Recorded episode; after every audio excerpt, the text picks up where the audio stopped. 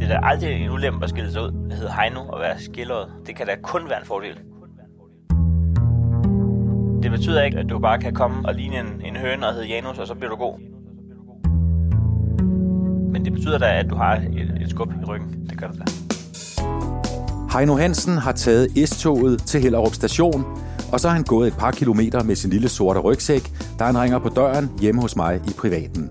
Lige om lidt fortæller Heino, hvorfor han i en alder af 37 år stadig ikke har fået taget et kørekort, og hvorfor han hele tiden kigger ned, når han sidder i en togkupé.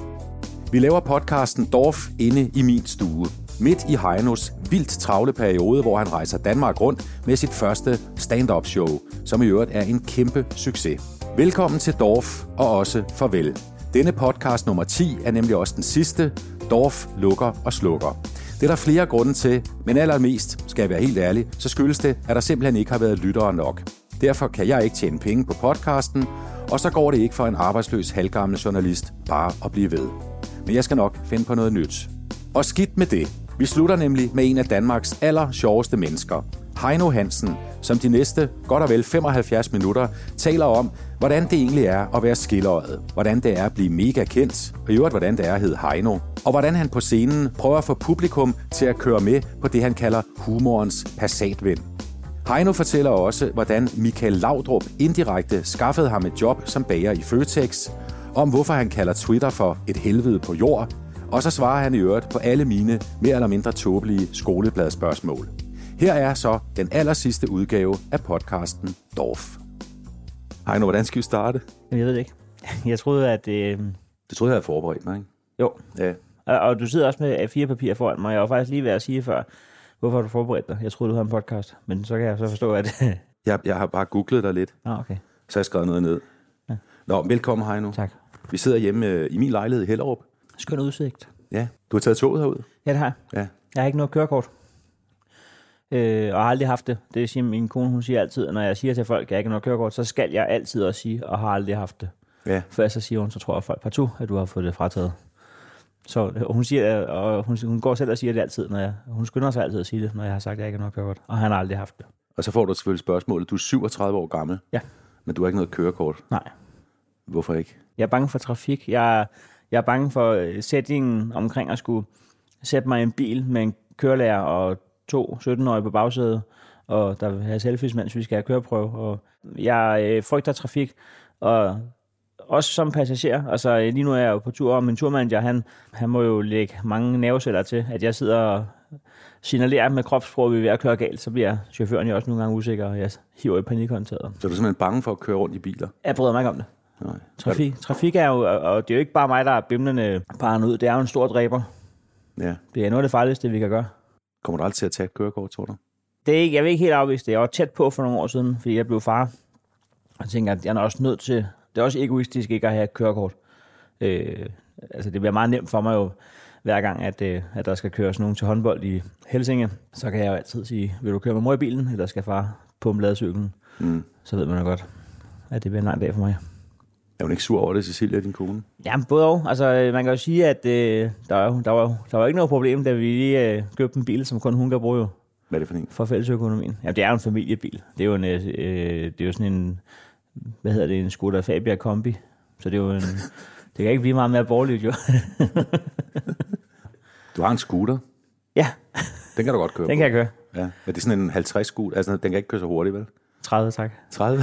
Jamen, man må kun køre 45, hvis man har kørekort, jo. Nå ja. Ja, det vidste du også godt. Er der ikke nogen, nogen der synes, du er alt mærkeligt, fordi du ikke har kørekort? Jo, jo. Ja. Du, jeg kan mærke, du er en af dem, eller? Ja, lidt, ikke? Nå, men jeg synes, jeg synes altså... Jeg kan se, hvordan du jamen, jeg kommer også til at tænke, at det, altså, det er sgu fedt, at du så, så tager, du har taget S-toget. Men det, det, jeg elsker at køre tog. Og det vil jeg sige, S-toget er måske ikke mit favorit, men jeg elsker at køre tog. Sæt mig et tog til Aalborg, og bare udgå af verden. Ingen, ingen forventer noget af mig de næste 4-5 timer, for det kan de ikke. Jeg sidder tog til Aalborg. Så bare ind og se Entourage, eller hvad man er i gang med, og sidde og hygge sig med nogle wasabi-nødder og en uh, Cola Zero. Mm. Og så bare vide, de næste fire timer, der, der sidder jeg her. Og du er ikke bange for, at de falder af skinnerne og sådan noget? altså 7 i 13, så... så, så ja, det, det, kan, det kan også lige pludselig blive farligt at være i liv, ikke? Ja, det lyder som om det der med at køre i bil. Du er simpelthen bange for, at der sker der noget, du går i stykker, eller altså du Jamen, det er fordi, ulykker. Jamen, det er fordi, jeg kender jo også øh, folk, der har kørekort. Ja, Og, og jeg, jeg, det er jo ikke fordi, de alle sammen er øh, folk, jeg vil kategorisere som øh, 100% fejlfri mennesker. Mm. Nogle vil endda ryge en lille smule over mod idiot. Og de, har, jo- de kører rundt på samme vej som mig jo. Og det er jo det, jeg ved. Så, så folk, der siger bare roligt, jeg er god til at køre bil, jamen det er da meget muligt. Men Kenneth kører lige foran. Så hvad vil du gøre? Man, man kan jo gøre alt rigtigt, og alligevel kan det jo galt jo. okay. Og der, kan jo alligevel, der skal lidt mere til at gå galt i et tog, tror jeg. Ja. Så folk og glor på dig i S-toget? Øh, det ved jeg ikke, for jeg kigger aldrig nogensinde op. Hvorfor ikke? Det er ikke fordi, at jeg ikke bryder mig om at blive genkendt. Det, det er egentlig fint nok. Øh, men jeg bryder mig ikke om at være øh, stå på en perron og vente og føle, at nogen kigger. Eller sidde i tog og være låst og føle, at nogen kigger. Mm. Så jeg, jeg, jeg vælger... Jeg, jeg, vil ikke, jeg vil ikke konstatere det. Så jeg går og kigger med telefonen. Så går jeg og kigger sådan skråt ned i jorden. Nok til, at jeg kan orientere mig. Og så sætter jeg mig, og så kigger jeg ned igen. Er det fordi, du er kendt? Altså, kiggede du mere op der før? Ja, ja. Ja. Ja, det, det, jamen det, det, er, det kan jeg mærke. Ja, ja. Der, når først man har sat sig i et tog, og man lige pludselig får kigget op og finder ud af, der sidder tre øh, gymnasieelever og stiger på dig, eller sådan noget, ikke? så er man nødt til at finde en anden kopé. Der kan du ikke blive siddende en halvanden time der. Nej. Fordi så alt, hvad du kommer til at gøre, vil du føle, og det er kun op i dit eget hoved garanteret, men så vil du føle, at det bliver simpelthen ført til, til journal. Så, så du skifter plads, hvis der sidder nogen? ja, det kan jeg godt finde på. ja. Ja. Så, øh, så skifter jeg lidt. Så sætter jeg mig lidt hister her. Det er da ikke særlig behageligt, eller hvad? hvad Nej, men jeg har da ikke sagt, at jeg ikke er ved at blive skængende sindssyg. Men jeg siger bare, at det er nok noget, der foregår op i ens eget hoved. Ja, det tror jeg. Altså lidt, ikke? Altså, de, de kan jo kende dig. Ja, det ved jeg godt. Ja. Men det kan de jo. Altså, de synes jo, de, de synes sandsynligvis, at du er super fed. Jo, jo, men, øh, men, jeg, men jeg må også konstatere nogle gange, når jeg kommer til at lave den fejl at kigge op, at der simpelthen står øh, fuldvoksne mennesker og bare tager et billede af en op i hovedet. Ja. Altså unge mennesker er jo nærmest bedre til at komme og spørge, om de må få et billede, så man kan tage en selfie. Men øh, der er mange, der laver det der trick, hvor de så, når de opdager, at de bliver opdaget, lader som om de er i gang med at tage en panorama, hvor man tænker, hvad var det for et panoramaskud, du skulle have lige her, op ad det her altså, stillads, der var ude ved Gamle Kongevej. Jeg er jo genert gemyt, egentlig. Øh, så jeg, jeg bryder mig ikke om at, øh, at tiltrække mig. Øh, Opmærksomhed. jo, men ikke i, øh, ikke i en låst situation. Mm. Det er også fordi, at jeg i udgangspunktet ikke tror, at folk kigger på mig og gør om, og snakker til, visker til hinanden, så tænker jeg aldrig, at de siger, ham der kan jeg rigtig godt lide. Mm. Jeg tænker altid, at de øh, siger, øh, Gud, har du set øh, et eller andet? Øh, I mit udgangspunkt er aldrig, at jeg går rundt, og folket øh, visker til hinanden, der går helten. Det er fordi, man, man har jo været på nettet nogle gange jo, og det er jo ikke altid lige søde ting, der bliver skrevet. Så man går jo også nogle gange og tænker, når man går en tur ned igennem Vesterbrogade, så er der i hvert fald fem mennesker, der har sagt til hinanden, hold kæft, en idiot. Ja. Fortryder du lidt af så mange, der kender dig? Øh, både og. Ja. Fordi at øh, jeg, altså, øh, der er, det kender du også, Jes. Der Ja. er ikke nogen fortrydelsesret. Man kan, man, du kan ikke bare sige, og så gider jeg ikke at være kendt mere. Altså, der er ikke sådan en kna- knap, du kan slå på. så, så løbet er jo kørt i hvert fald for et år 10 stykker eller sådan noget, ikke? Mm. Og måske endda mere, så ikke man får rettet de fucking øjne. Men omvendt, altså, det er jo da ikke fordi, at når man har været i game i så mange år som semikendt eller ukendt, at, det ikke, at man ikke har haft chancen for at tænke en tanke omkring, at hvis, hvis det, du går og kæmper for at lykkes, mm, så er det jo hånd i handske med, at folk jo selvfølgelig ved, hvem du er. Ellers, er det jo ikke, så ellers kommer de jo ikke Men, men til det show. det hænger jo sammen med, at du er blevet en succes, ikke? Altså, nu, Ja. Du har et kæmpe show i gang lige nu. Du er med i en masse fjernsynsprogrammer. Du, du er simpelthen blevet, det, det, det må give mega kendt, ikke? Jamen, det kan jeg også godt mærke. Altså, og det er gået stærkt det sidste år. Ja. Det er gået fra, at man sådan en gang imellem... Øh, jeg kan huske, at jeg engang sagde, at, øh, at nu går der ikke en dag, hvor jeg ikke bliver kendt, altså, med, øh, genkendt. Men sådan er det jo slet ikke mere. Mm. Det, er jo, det er jo nærmest mere, at øh, Du skal nærmest være skuffet, hvis der er nogen, der ikke kan kende dig. der er mange, der kan kende mig. Ja. Og, og det er også rigtig mange nu, og det er også næsten alle. Ja. Så det er... Øh, så øh, det skal det ikke lyde som om, at jeg ikke bryder mig om det. Nej, nej, nej. Men jeg kan godt se på, at du sidder og tænker, hvad helvede er der sker. Nej, men så længe at jeg er i fritgående, altså når jeg er økologisk, når jeg, er, øh, når jeg, når jeg har fri bevægelighed, det er mere det der med, når jeg sidder på hovedbanegården, og de siger, at toget er 14 minutter forsinket, så går jeg altså en tur. Altså, du skal væk fra de andre mennesker. Ja. Ja, Jeg skal i hvert fald være i frit, jeg skal, være, jeg skal gå i 8 eller så. det er mærkeligt. Har Ikke? du ikke prøvet det? Jo, jeg kender den egentlig godt. Okay, Jo. Jeg tror, jeg er bedre til at bare blive siddende. okay. Ja. Men, øh, men jeg kan så godt kende det. Ja, men det er mærkeligt. Og man, det er og, man, mærkeligt. og, og man sidder så også og tænker, hvad helvede var jeg rodet mig ud i? For du har jo gjort det frivilligt, ikke? Altså, Ja. du, har, du har jo opsøgt det her, ikke? Ja, præcis. Jeg vil så sige, at jeg synes faktisk, der er en fin konduite. øh, Bedre, end jeg har regnet med, når man går med sine børn. Jeg synes faktisk, at man får lov til at gå i fred.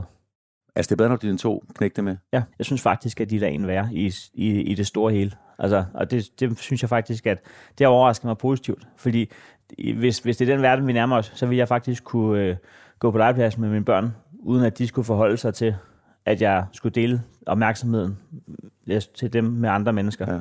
Så det synes jeg faktisk, øh, det er jeg sgu positivt overrasket over, at der er så meget øh, konduite. For jeg kan mærke, når jeg så har øh, kastet dem over til deres mor, og hun har fjernet dem fra mit åsyn, så går der jo ikke 10 minutter, før der er en selfie. Mm. Så altså, der er et eller andet filter der. Det kan Siger jeg du- godt lide. Siger du ja til alle selfies? Altså, øh, 99 procent. Okay. Jeg, jeg kan godt på min dårlige dage, hvis der kommer en uden at spørge, og øh, går over og siger, øh, det er jeg skulle lige nødt til det her, så siger jeg, så er jeg faktisk nødt til at sige, nej tak, Mm. jeg kunne bare spørge. Men det, det er også kun, hvis jeg har en lidt touchy dag. Det kan være et sted mellem mandag og lørdag. Hvad med dem, der afbryder? Kender du det? Du står og snakker med en anden, og så kommer der nogen, der bare blæser ind i din uh, samtale. Nå, ja, ja, ja det, jamen, det hedder jo kvinder. Og, Nå, men de kommer sådan, altså det synes jeg jo er pisse uopdragent. og det er det da, det er det også. Det Hvis det du også. står og snakker med din kone eller mm. nogen andre, og så kommer der nogen, der simpelthen bare, de skal bare have en bidder Heino Hansen. Men, men, og det er nemlig uopdragende, men jeg, kan, men, men jeg kan også godt sætte mig ind i det, fordi jeg kan huske, efter et comedy gala, hvor Sisse Babette Knudsen havde været vært, så til, jeg var så starstruck over Sisse Babette Knudsen, ikke? Så er vi til efterfest, og jeg ville så gerne have en selfie med Sisse Babette Knudsen. Og jeg ved, lige pludselig så er Sisse Babette Knudsen væk fra efterfest, fordi hun er ikke sådan en, der, er, der står til klokken 4. Ja, man skal hugge til. Man skal hugge til. Så står hun og snakker med Rune Klan, og de snakker lang tid. Og de snakker ægte, ægte lang tid om altså absolut ingenting. Der er ingen af dem, der har grinet i fem minutter. Og jeg har stået øh, som tredje hjul, bare kigget på dem. Altså står lige ved siden af dem. Så er lige sådan, dem. For jeg vil gerne, jeg ventede lige til der var en pause i sætningen, med Rune var åbenbart i gang med verdens længste tryllenummer, uden at hive en eneste mønt frem. Så jeg står bare og kigger på, glor på dem, og jeg kan da ikke bare vende mig om efter fire minutter og gå igen. Så de har jo bemærket, at jeg stod der. Mm. Så bare glor på Rune Klan og siger væk i her lang tid. Indtil at øh, Rune lige pludselig vender sig og siger, hvad kan vi hjælpe med? Jeg vil gerne have et billede med, med Sisse Bæk Knudsen. Og så kan man mærke, så var hun sød jo, og hun, jeg kan se, hun smiler på billedet, men jeg kan også huske, jeg gik derfra og tænkte, "Nå, men det var, nu er du færdig i den branche. Det var det. Men det var fordi, at jeg, at, det, men for at sige, det var ikke for at afbryde dem, det var fordi, jeg tænkte, hvornår, hvornår jeg har aldrig mødt Sisse Bæk Knudsen, mm. så jeg ved ikke, hvor jeg skal møde hende, hvis ikke det her. Jeg skal have det billede. Hvad betyder det billede for dig, at du har et med Sisse Babette Knudsen nu i dag? Det, altså, jeg, altså, det er ikke noget, jeg har tænkt på i dag, for eksempel, mm. øh, for nu, men, men, øh, men jeg kan huske, at jeg tænkte, at øh, der er så få mennesker, hvor jeg bliver starstruck, Ja. og hun var en af dem. Ja. Så jeg ville simpelthen ikke lade den fare. Heino, øh, jeg skal sige, at vi sidder, øh, Rasmus er her, vores producer. Vi har øh, indkøbt øh, nogle træstammer. Må jeg sige, hvem Rasmus er? Ja, Øh, hvis man går ind og, og googler øh, krumme øh, med Dodo, og så øh, øh, kommer der en musikvideo inden for plænen i Tivoli, hvor krumme spiller for noget, der ligner en fyldt plænen. ja. Øhm, der, der er det jo øh, svinger på... Øh, Keyboard. Er det et keyboard? Og, og en t-shirt, hvor der står et eller andet statement, og så en blazer ud over. Og det er jo... Er det dig, der har skrevet Krummes sang? Ja, det er det. Rasmus kan kun nikke, for han har ikke mikrofon på. Nej. Du har skrevet krumme sammen. Sammen med hvem? Michael Hardinger. Der kom en nyhed for mig her. Hvor vidste du det fra? Har det ikke? Jamen, jeg har arbejdet sammen med Svinger. Okay. Øh, Først øh, SBS, og så rykker vi begge to over til øh, Discovery, og så rykker vi faktisk begge to videre til Bauer. Vi har været her i tre samme firmaer. Jamen, nye venskaber her. Eller for mig i hvert fald. Ja. Men prøv at høre. Øh, så, så er Rasmus her, krummesangsforfatteren sammen med Hardinger. Så er der træstammer, der er vand med og uden brus. Og så starter vi altid nu her 20 minutter inde i podcasten, har jeg nu, men jeg plejer at spørge, hvad, hvad, Hold da. Ja. Det var det med. det var det med. jeg. Og så springer det her i luften. Med. Undskyld, hvad sagde du? Hvad har du fået til morgenmad? Jeg har ikke fået noget som helst. Hvorfor ikke? Vi, øh, jeg har kæmpet for at mase øh, en halv banan ned i kraniet på et øh, menneske på et halvt år. Og så, så prøvede jeg på at overtale en på to og et halvt til at spise havgryn, og det ville han kun, hvis der kom ristet løg på. Og der mistede jeg resten af min appetit, men han fik sin vilje. Og så fik vi nogenlunde manøvreret mennesker ud af lejligheden og ned og stemme, og nu sidder jeg her. Ja. Ja. og, ja og det, du sidder her på den dag, der er kommunevalg. Ja, Yes. Okay. Jeg skal også lige sige, at det, ved, det vidste du ikke. Det her det er den sidste podcast, Rasmus og jeg skal lave. og jeg regner med, at, øh, at, øh, at alle mister interessen efter den her episode. Nej, vi besluttede det, før du kom. Nå, okay. Øh, at den, den, øh, den lukker simpelthen ned. Det er der en masse grunde til. Jeg er glad for at være med, Jes. Og i lige måde, Og tillykke med podcasten. tak. Og tak til, at du var med. Jeg synes, man kan sige, at nu er der fri leg, ikke? fordi mm. vi kan sådan set sige, at vi kan være ligeglade med annoncører, og i virkeligheden også lytterne. fordi det er den sidste. Ja. Så lige med hvad der sker her, så er katastrofen sket. Dorf lukker. Det lukker. Ja. Altså podcasten, ikke? Okay. Sådan er det. Det er da ærgerligt. Ja, det er det faktisk. Men øh, vi, har lavet, vi, har, vi har lavet en masse, de har været gode. Er det Svingers beslutning? Øh, det, det, det, det. Han har ikke mikrofon på. Nå, han ikke er kun. han smiler, han er glad for, at det er slut. Han, Nej. ligner, han, ligner, han ligner en, der var med til det møde. Hvor, Jeg kan godt sige det, som det er. Det skyldes blandt andet, at der ikke er nok, der har hørt den. Men den kommer til at ligge til tid og evighed. Det vil sige, at hvis den en dag, altså hvis nogen en dag opdager, øh, altså det, det, lige pludselig så kan det eksplodere det her, ikke? Ligesom dit liv gjorde. en nogle IT-arkeolog om 5.000 år, der har gravet Dorfafsnit fra. Det med Heino Hansen. Nå, prøv at høre. Ja, øh, du er midt i en enorm turné. Ja, Altså fuldstændig vild. fuldstændig nemlig. Jeg regnede ud, i går jeg sad og talte øh, på, på, på din hjemmeside øh, med Heino Hansens første comedy show, som det jo meget begavet hedder, fordi det er dit første comedy show, Ja. at du har du skal lave flere shows, end Simon Kjær spillede fodboldkampe. Skal du? Altså landskampe. Nå. Ja. 119. Ja, og der, jeg så i morges på nettet, at der var oprettet et ekstra show i Jørgen. Ja. Så øh, 120. 120. Ja. ja. Det er vildt, ikke? Jo, det er det godt nok. Og vi satte jo omkring 10 til salg øh, i sin tid, da vi, da vi satte turen op. Hvor, hvor mange har du lavet endnu?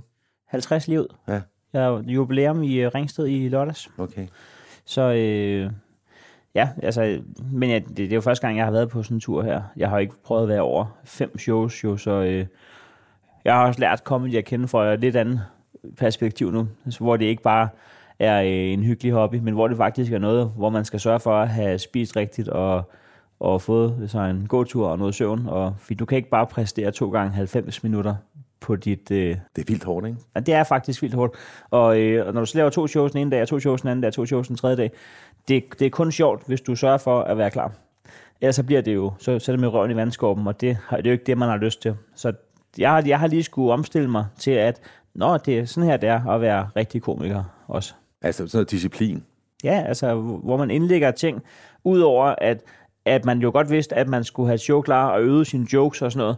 Der, der må jeg indrømme, at, øh, at jeg øh, slet ikke anede, at jeg også kunne tænke over alt muligt rundt omkring, for at være øh, mentalt og fysisk klar til at præstere de der ting. Hvad, hvad du skal, skal du spise noget specielt?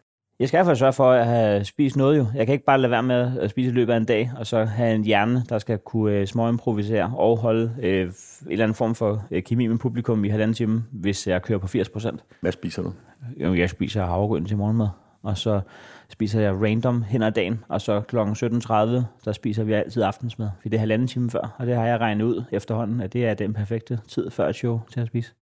Er det stadig sjovt, når du laver nummer 50? Det synes jeg.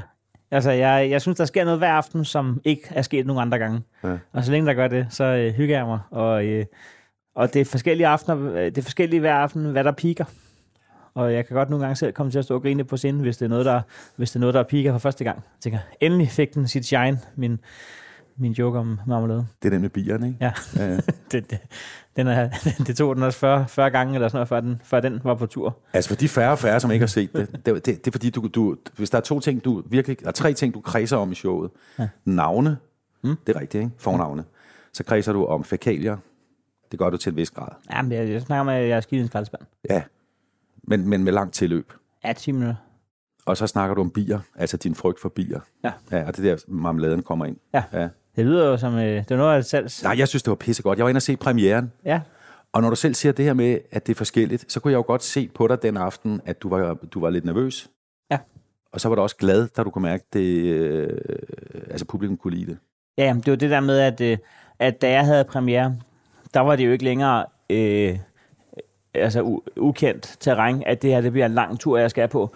Øh, så, man, så, så der er ekstra meget på spil på en premiere, når du ved, om der er 85 shows foran dig. Hvis du så går ind på premieren, og det er det værste stykke, øh, så lort dansk kultur nogensinde har præsteret på en scene, så kan du også godt se for dig, at så bliver det her 85 shows, der ender med at sende dig direkte til psykolog. Så, øh, så derfor er der jo ekstra meget på spil, for lige at se, men det er faktisk okay, det jeg har lavet. Det, kommer jeg, det kan jeg se for mig, at jeg kommer til at hygge mig med. Selvfølgelig kommer jeg til at rette ind og spidse til, og jeg tror, det varede næsten 100 minutter på premieren. Nu var det jo 75-80, så jeg har jo fået fundet ud af, hvor, hvor fedtlagene var og sådan noget. Ikke? Ja. Så jeg synes jo, at øh, det, er også, det er også det sjove ved at prøve at være på sådan en tur. Altså, du, du kan virkelig sådan, øh, bid for bid ligesom få dem fundet ud af, hvad det er, det kan, og hvad det ikke kan, og lavet lidt om og sådan noget. Og det har man ikke lige så store chancer for på en show shows tur. Jo. Er der også dårlige aftener? Jamen, altså, jeg har masser af kollegaer, der fortæller om det og sådan noget, så jeg, det må der jo være. Nej, jeg synes ikke, der har været dårligt. Det synes jeg ikke. Der, der er jo nogen, hvor jeg tænker, at, øh, at det var måske ikke lige så magisk, mm. som det kunne være. Altså, øh, og det kan jo, nogle gange så kan det være samme aften, så kan man stå i det ene show og tænke, øh, det, tænk at taget stadigvæk sidder på, og så kan man øh, stå efter det senere og tænke, jeg tror godt, jeg forstår, hvorfor der er tag på, når jeg går herfra. Oyster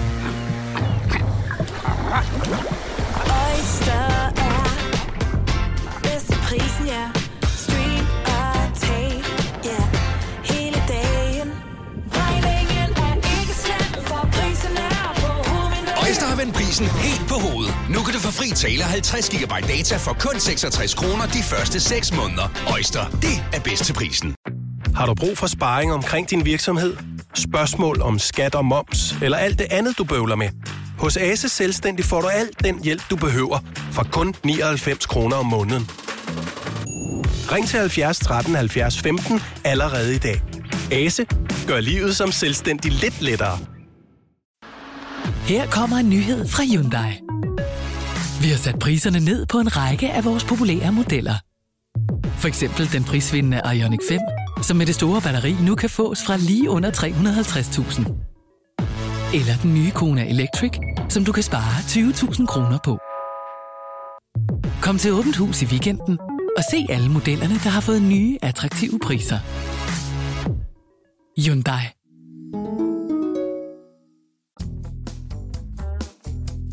Prøv at fortælle mig, hvad det er, der er sjovt. Altså, når, når du står derinde midt i showet, i det 90, der nu er blevet til 75 minutter, hvad, hvad foregår der inde i hovedet på dig? Fordi du skal jo både kunne noget udenad, og så skal du samtidig fange nogle momenter, eller hvad man skal sige. Altså, hvad, hvad, hvad, hvad, hvad, hvad helvede foregår der inde i hovedet på dig, Heino, når du, når du står derinde?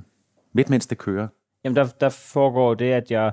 Altså, jeg kører to spor, tror jeg. Mm. Jeg kører det spor, som publikum kan se, og så kører jeg det spor, hvor at, nu er jeg ikke bilist, men, men nok det, I vil kalde for koblingspunktet, hvor man lidt har publikum som et altså instrument, og hvor man godt kan mærke, nu skal der altså lige jogges til, og hvis man så kan mærke, nu er jeg lige ved at, og nu er det ved at knække på den gode måde, så hvis jeg lige øh, holder den lidt her længere, end jeg gør i går, så, så tror jeg faktisk godt, at jeg kan få dem ned her, og så øh, skal jeg jo ramme det rullegrin, altså hvor jeg, hvor jeg Det er hvad? Et rullegrin. Rullegrin. Altså, det, det, det, altså min stil, jeg, jeg kører efter rullegrin. Jeg er fuldstændig ligeglad med bifald og alt muligt andet. Der, fordi der er meget stand-up, som, hvor vi lærer, at det er setup og punchline. Så hører man et setup, og så kommer der en punchline, så kommer der et grin, hvor jeg det svinger på teknikken, vi kalde det for en, en uh, minus 6'er i dB. Han, han nikker. Ja. Og så går den jo hurtigt tilbage igen. Der kan jeg godt lide at ligge øh, på, en, øh, på en minus øh, 9'er hele tiden. Altså, at man, at man får folk til at sidde og bygge nogle billeder op inde i deres hoveder, og så griner de delvis af det, du siger, men også delvis af det, du har fået plantet fra deres egen liv. Og så, og det, at du, kan høre, du kan høre, når du får fat i dem. Du kan høre, når at, nu har hun ramt den der bølge, nu, og så skal de bare, du skal få dem til at køre på passatvinden de sidste 50 minutter.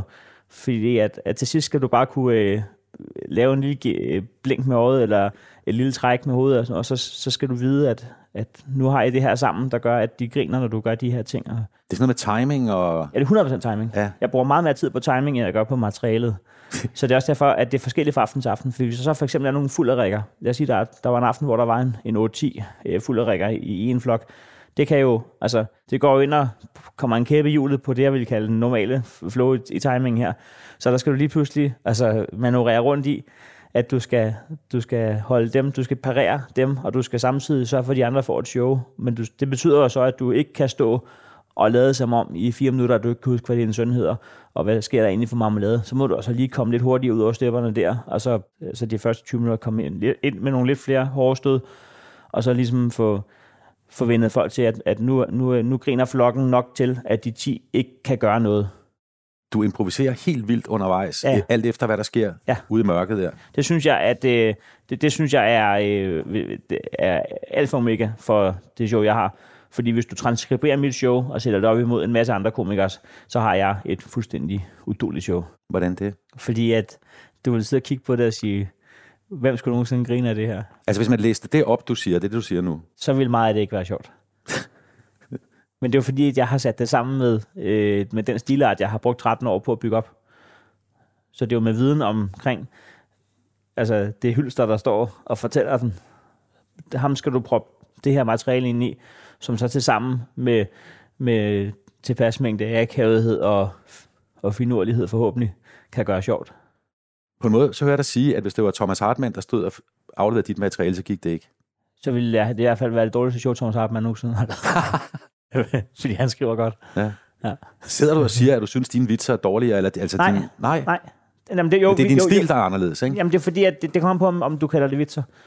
Fordi det er klart, altså, som jeg siger, hvis du skriver det ud, så, men jeg har jo skrevet det med vilje Mm. ind i en stilart. Så, så det kommer an på, hvordan du vurderer vitser. Fordi at, øh, jeg har jo også et one-liner-segment i showet, som er det, du kalder øh, navnejokes. Men for mig handler det ikke om de navnejokes. For mig handler det om hele spillet i det, og øh, sådan få folk til at tænke, hvad foregår der, og få folk til at grine af, hvad foregår der. Jamen, og jamen, det lykkes folk- der også. Det er fordi, Ja. det, det, det er, fordi du, du hiver navne frem og siger, hvad kan man egentlig kalde Ja, børn? Og, Men, men jokesen er ligegyldig.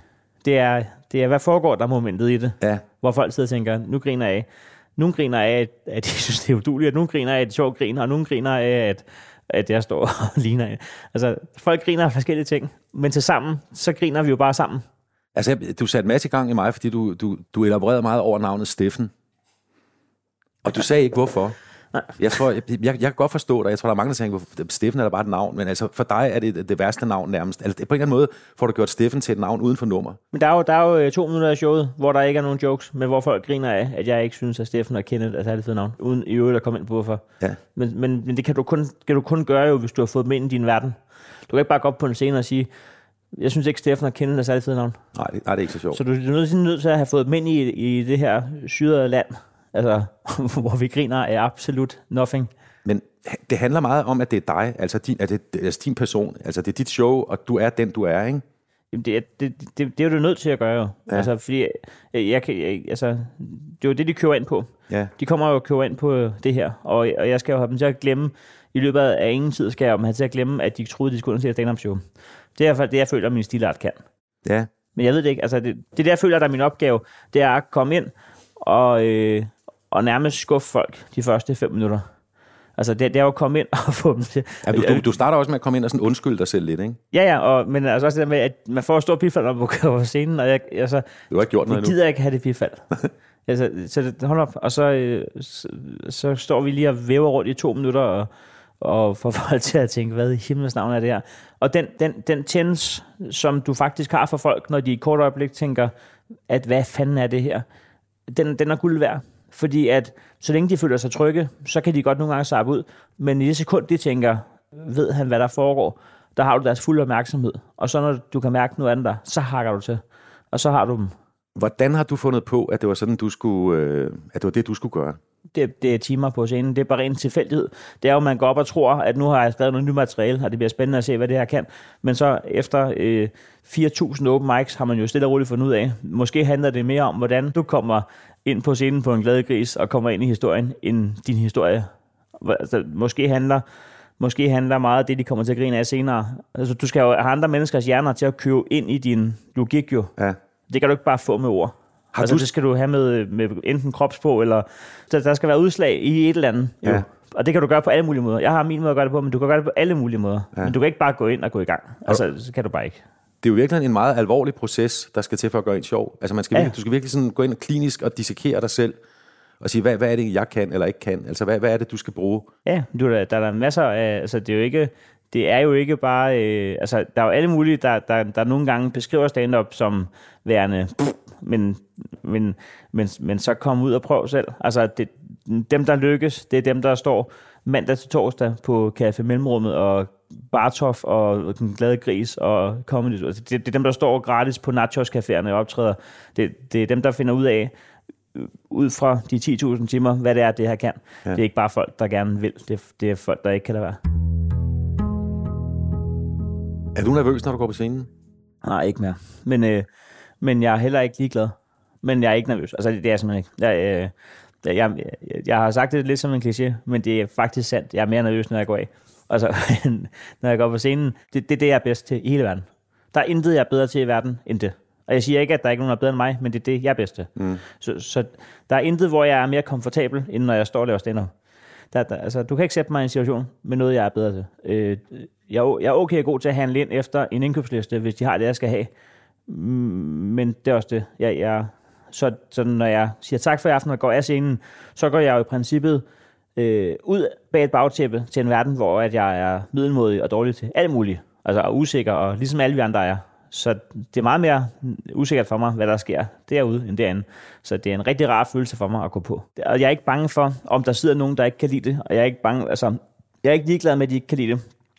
Men jeg er ligeglad med, om der er to, der ikke kan lide det. Det er jo ikke sandsynligt, at du kan ramme alle. Mm. Og jeg vil også sige, hvis du kan ramme alle, så har du ikke ramt nogen. Altså, det, du er nødt til at altså, sætte nogen af, ellers så har du simpelthen satset for lidt. Ja. Så, så, så hvis du har taget dig selv seriøst, og du har, og, og du har forberedt dig, og du har gjort, hvad du skulle, og du ikke er, har bare har pøllet det væk, og altså, det, det, det forpligter jo, at folk har sat en lørdag aften af til at komme ind og se dig. En ting er, at de har givet et eller andet 200 kroner. Øh, Noget andet, synes jeg, det er til tiden. Det er det der med, hvad det faktisk kræver at sætte en lørdag aften af som voksen menneske, og den indsats, og, og den, øh, så det forpligter ligesom, at, at, at, at de skal ikke have gået forgæves der. Men, øh, men jeg er ikke nervøs for at skuffe nogen, og jeg er ikke nervøs for at gå på scenen, og jeg er ikke nervøs for, om nogen råber. Og jeg, altså, nogle gange så sker der også noget sjovt i det jo. Du, du er på en eller anden måde også god samvittighed, ikke? Ja, Altså, du har, du har gjort det, du skulle. Ja. ja. så, øh, så det, det er jeg ikke nervøs for. Heino, hvornår opdagede du, at du, øh, du havde, nogen kalder det funny bones, at du var sjov? altså, hvornår, hvornår fandt du ud af, at du kunne et eller andet med at optræde? Med optræde? Ja. Altså, eller, eller med at være sjov, med at være det, du er blevet? Jamen i slutningen af folkeskolen. Mm. Fordi at jeg havde jo, altså jeg synes jo selv, at jeg godt kunne øh, få mig selv til at grine af, af nogle forskellige ting, hvis jeg sad og lavede, altså i starten af folkeskolen, hvor jeg kan huske, at jeg sad med min ven Nikolas og faktisk lavede noget radio, hvor, hvor man satte sådan en bånd ind, og så recorder, så lavede nogle, nogle små sketches og spillede et stykke musik. Så jeg synes jo, øh, længe jeg har haft lysten til at, at prøve at skabe noget. Øh, vi lavede sådan en afslutningsvideo, som var ungdomsspiller nede i Ringsted Billardklub, hvor der var øh, billiard-sketches. Øh, men, øh, men jeg tror sådan, i slutningen af folkeskolen, der, der, tog det, der tog det fart op i mit, altså hvor, hvor jeg turde at tro på, at det var sjovt. At, nu har jeg også med i mit show, at, at det var en stil, der ligesom kickstartede. Jeg skrev en stil, min lærer læste op, og så kan jeg huske, at folk griner rigtig meget i klassen. Og, og der, den følelse er stadig den følelse for mig, som jeg tænker tilbage på.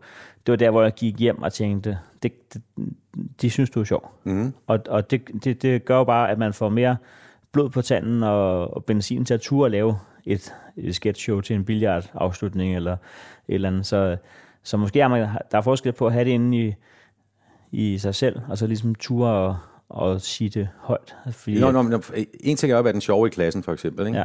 Men så også, også op, altså, op, ende med, hvor du er, altså sige, nu, nu vil jeg kræfter med leve af det. jamen, på, på, på handelsskolen føler jeg, at jeg var den sjove i klassen. Ja.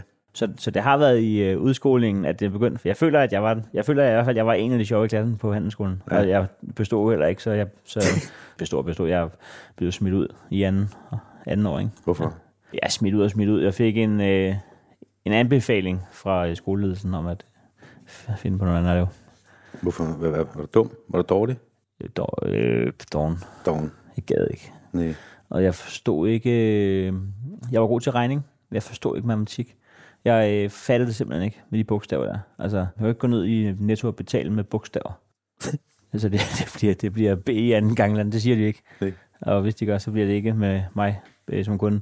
Så jeg forstod det simpelthen ikke. Og der kunne jeg mærke, at jeg gav op. Og så bliver du, så bliver du også, øh, jeg ved ikke meget vi springer nu, bliver også uddannet bager i Kvickly, ikke? Øh, dansk supermarked. Nå, den supermarked. Ja. I øh, jamen, delvis Føtex og delvis Bilka, for jeg, jeg skiftede øh, halvvejs i min liv på jeg startede, jeg startede jo øh, i Føtex Friheden, mm. fordi Michael Laudrup, han øh, tog øh, Martin Spellemann. Den skal jeg lige forstå. Ja, eller fordi... Michael Laudrup var træner i Brøndby. Ja, ja. og jeg, Som du holder med. Jeg holder med Brøndby. Ja. Og så er jeg, er, jeg er blevet arbejdsløs. Jeg, øh, jeg er blevet fyret øh, efter noget med en ølstafet. Og så øh, har jeg gået arbejdsløs i, det kan man sige, stormester, men det er sandt. Så, øh, så har jeg gået arbejdsløs i halvt års tid. Og så op mod jul, så begynder jeg, fordi at jeg stadigvæk er relativt ung, så, øh, så begynder jeg at få beskeder fra jobcentret om, at nu skal jeg aktivering og sådan noget. Og så skriver jeg lige rundt til med mine venner og bekendte, er der nogen af jer, der kender nogen, der kender nogen, der har et job så er en af mine ringste venner, hans far er bærmester i, øh, øh, var bærmester i Føtex Friheden, og han kunne godt bruge en til at pakke brød op til jul. Og så kom jeg der og blev ansat og pakke brød, øh, fordi at ham, han havde haft til at pakke brød, det var Martin Spelman. Men han havde så fået et kontrakttilbud fra Michael Laudrup i Brøndby, så der har han bare sagt ja til det, uden at passe sin opsigelse i Føtex. Mm-hmm. Og så står de lige op til jul, og så vil han skide med et stykke, fordi at Michael Laudrup ringer. Og det, det skaffer mig ind som brødpakker der. Og der går der en måned, og så bliver jeg øh, overtalt til at starte i lære. Og det kunne jeg mærke, det gad jeg også godt, for så var der en plan. Så lige pludselig så hoppede det. Var, jeg har aldrig tænkt på, at jeg skulle være bærer, men jeg kunne bare mærke, at da de, da de tilbød mig det, så tænkte jeg, ja, så er der en plan de næste tre år. Og så kommer jeg ud på den anden side med muligheder for et eller andet. Du blev bager? Ja. Ja. Nu, nu skal du lige prøve de her, det er Rasmus, der har købt dem. Træstammer. jamen, man må aldrig gøre det der, hvor at man øh, spørger en bager, om det har øh, godt bagværk. Nej, det spørger jeg heller ikke om. Jeg siger bare, jeg giver dig bare en. Hvis hvis svigerfamilien gør det også, og familien gør det også, og sådan noget, og så sidder man og spiser en bolle, og så siger alle, hvad siger bæren? Så siger han, det er brød. Vi er mennesker. Hvad synes I, det smager af? Ja. Men når det så er sagt, så, øh, så, så er jeg sjældent ærlig øh, til de her familiefødselsdage. Det er faktisk kun min svoger, der kan finde ud af at bage, fordi altså, folk har ikke prøvet at komme til en familiefødselsdag. Så du ankommer, så er de i gang med alle dejen. Og så på magisk vis, 50 minutter senere, så er der frisk bakket brød.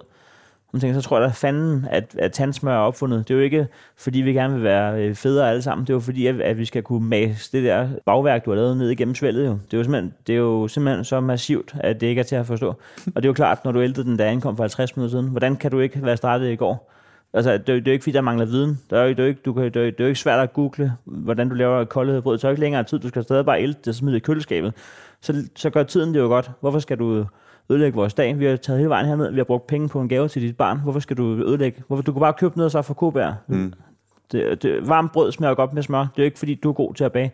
Du kan ikke sammensætte mel og vand og salt og proppe det i ovnen og komme smør på, uden det smager godt. Men du skal jo ikke have ros, fordi du har gjort det så dårligt, man overhovedet kan. Og jeg vil stadig synes, det smager okay. Fordi det kan ikke lade sig gøre, at det ikke smager okay. Men du skal ikke have ros for noget som helst. Okay. Nå, tak for spurgt. Okay, ja. Oyster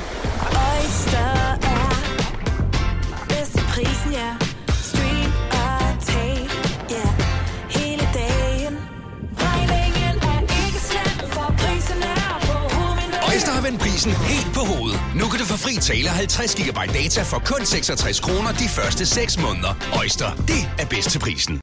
Har du brug for sparring omkring din virksomhed? Spørgsmål om skat og moms, eller alt det andet, du bøvler med? Hos Ase Selvstændig får du alt den hjælp, du behøver, for kun 99 kroner om måneden. Ring til 70 13 70 15 allerede i dag. Ase gør livet som selvstændig lidt lettere. Her kommer en nyhed fra Hyundai. Vi har sat priserne ned på en række af vores populære modeller. For eksempel den prisvindende Ioniq 5, som med det store batteri nu kan fås fra lige under 350.000. Eller den nye Kona Electric, som du kan spare 20.000 kroner på. Kom til Åbent Hus i weekenden og se alle modellerne, der har fået nye, attraktive priser. Hyundai. Jeg, jeg, læste, jeg har googlet dig lidt. Jeg, du har sagt, jeg kan kun to ting. Det er at bage og lave stand-up. Ja. Hvis, hvis, nu, hvis nu du ikke var blevet stand-upper, så var du, var du så blevet bager. Ja. Og så var jeg blevet øh, leder. Leder. Ja, fordi det, det, det, er, det, det, jeg har ævet mig mest over ved, at stand-up lige pludselig gik godt, det var, at jeg faktisk øh, vinkede farvel til min... Øh, jeg, øh, da jeg var færdig som lærling, der blev jeg tilbudt at blive produktionsleder i Bilka Næstved. Ja. Det, og det, det betyder stadigvæk lige, at man lige har 20 mand under sig eller sådan noget. Ikke? Og det er jo ikke... øh, Jeg kunne mærke, øh, fordi min far også er sådan smed, men også har taget ledervejen, har været øh, værkfører hele sit liv. Og jeg kunne mærke, jeg gad egentlig godt det der med, at udover at jeg havde håndværksuddannelsen, så kunne jeg godt lide at arbejde med mennesker jo, og som det jo er at være leder og sammensætte nogle ting, og så ved jeg godt, at noget af det går op i, i øh, arbejdsplaner og, og Excel-ark, men, men det handler jo stadigvæk om at skabe en god arbejdsplads også. Og det kunne jeg mærke, det gad jeg egentlig godt, og jeg synes, det er skide spændende. Jeg vil gerne ende med også at være værmester, og måske endda tage den længere op til varehuschef og sådan noget. Det kunne jeg mærke, det, det var noget, der interesserede mig. Og så lige pludselig tog stand-up fart, og, og så kunne man mærke, nu gik jeg på fire dage, nu gik jeg på tre dage, og så kunne man godt mærke til sidst, nu er det ren velgørenhed, at jeg står hernede og bærer brød, fordi jeg har faktisk mulighed for at sige op. Mm. Og så øhm, der kunne jeg mærke, at øh, åh, der missede jeg lidt den der den anden vej. Men, jeg, men der var ikke noget i mig, der var i tvivl. Det var det her stand-up, jeg gerne ville jo. Mm. Men øh, jamen, det, det, jeg, var blevet, jeg var blevet leder i, i bæreregi, tror jeg. Det gad jeg godt have været. Så da, da jeg sad og så øh, showet, altså dit, dit første show inde på Bremen, der, der blev jeg rørt. Altså, jeg, jeg, jeg, jeg, jeg blev sådan, altså, jeg, jeg kunne godt føle med dig. Tak. altså, føle din øh, usikkerhed, at du er blevet småmobbet, og så videre, og så videre, ikke? Ja. Altså, at du lagde også din, altså, ja, sårbarhed sådan øh, ord, ikke? Men altså, det gjorde det gør du faktisk, ikke? Det lægger du frem der. Ja, ja. Jamen, det er også øh, det, det er første gang, at jeg tager det spadestik. Altså, nu har jeg... Øh, jeg, kan, jeg kan stadig huske, det første halve år, jeg optrådte, lavede jeg ikke nogen jokes om mine øjne, jo, fordi jeg brød mig ikke om det. Det var Fugldoft, der kom og sagde til mig, så du er simpelthen nødt til at adressere det. Altså, du, altså det kan simpelthen... Altså. Ja. Men, men og, og, og, og, det, og der, hvor jeg synes, det så nogle gange bliver fejt, når folk siger, at ting kan være let købt, det der, at I ved ikke, hvilken øh, grænseoverskridende indsats det var at bryde den. Altså, og, altså at snakke om et, at snakke om noget for første gang, som ikke er rart, altså som øh, øh, øhm, og så, det kan man stå udefra og se ting virke og, og gøre det otte gange på forskellige vis, og så pege det ned og sige, at hvis du snakker om din seksualitet, eller din øh, skavanker, eller din nationalitet, eller et eller andet, så kan det være øh, under kategorien let, let, letkøbt, men det synes jeg er øh, fuldstændig øh, ignorant, fordi at øh, kan godt være, at du står og høster af det nu, men det kommer så af, at du har, altså det kommer så af en grænseoverskridende handling første gang, du skulle gøre det. Det er ikke, det er ikke sjovt. Var det det første gang, du skulle tale om, Ja, det var at, det. om dine øjne? Ja, det var det da. Altså, du er skilløjet? Ja. Ja. Jeg, jeg kan, jeg, altså, der var grund til, at jeg ikke gjorde det i starten. Altså, det, det var, jeg synes jo ikke, det var... Altså, man, man håber også lidt, at folk nærmest ikke lægger mærke til det jo. Altså, øh, nu, synes jeg, altså, nu, nu synes jeg, det er sjovt. Altså, nu har jeg sagt det så mange gange, at det ikke længere er et problem for mig. Men man skal sige det rigtig mange gange jo. Og, og nu ved jeg godt, at det er mit brand også. Og, øh, men jeg kan stadig godt huske, da jeg var ukendt og var til jobsamtale. Og nogle gange, fordi mit, de skifter jo til at være skæve. Hvis man så lige fik blinket, og så de skiftede, så kunne man godt se, at der sad en bærmester, der blev rundtosset. Men nu synes jeg kun, det er sjovt, og nu synes jeg kun, det er øh, dejligt, og jeg får, øh, jeg får dejligt mange beskeder fra folk, der øh, er billedet og skilleret og vinderet og skriver øh, tak, fordi at det ikke længere er en øh, ting, man bliver mobbet lige så meget med. Man kan også være grov at sige, måske er det en fordel for din karriere. Nå, men det er da ikke groft. Det er, da, det er, det er jeg dødeligt bevidst om, at det er, har kun været en fordel. Ja. Det, det, er da, det, er da, det er da aldrig en ulempe at skille sig ud at hedde Heino og være skilleret. Altså, det kan da, ikke, det, altså, det kan da kun være en fordel. Det, det betyder ikke, at jeg... Altså, det, det betyder ikke, at, øh, at, at, at, at, at du bare kan komme og, og ligne en, en høne og hedde Janus, og så bliver du god. Men, men, men det betyder da, at du har et, et skub i ryggen. Ja.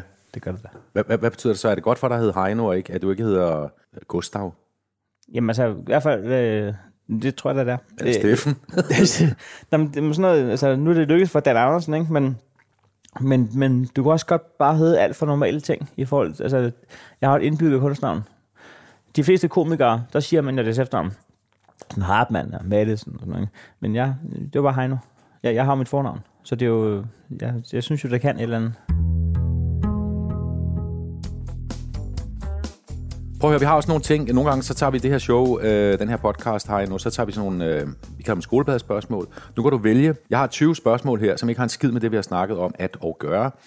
Og du kan selv vælge mellem nummer 1 og 20, og det er de samme spørgsmål, som vi havde til Søren Østergaard, altså ham fra Nemo, da han var med. Så du kan bare vælge et nummer mellem 1 og 20. Mit yndlingstal kan jeg sige, øh, uden at blinke, øh, fordi at Ja, det er ret hurtigt at sige et tal. Man behøver ikke at blinke hver gang, man siger et tal. Men øh, fire er mit yndlingstal. Men, men, men jeg har aldrig haft, jeg har aldrig haft held forbundet med det. Aldrig nogensinde. men meget på, nummer 4, det hedder fobier.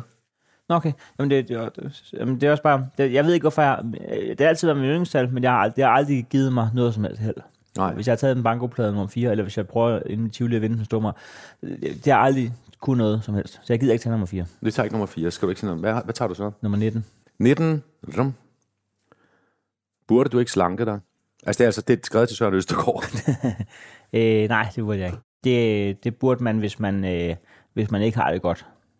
Men hvis man synes, man burde slange sig, så burde man slange sig. Og hvis man synes, man burde blive klippet, så burde man blive klippet. Ja. Men, øh, men hvis man har det dejligt, så øh, kan man sige... Jeg, jeg, jeg, men, men jeg burde begynde at løbe til gengæld.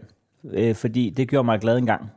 Og, øh, og det har jeg øh, forsømt rigtig meget. Så det burde jeg gøre. Jeg burde begynde at løbe. Fordi jeg kan huske, at det var så skønt at have en playlist og en fast rute. Og, øh, og det, det gjorde mig glad og Ja. overskud. Og det kan selvfølgelig også godt øh, vise sig, at øh, 3 at det hang sammen med et sundere liv.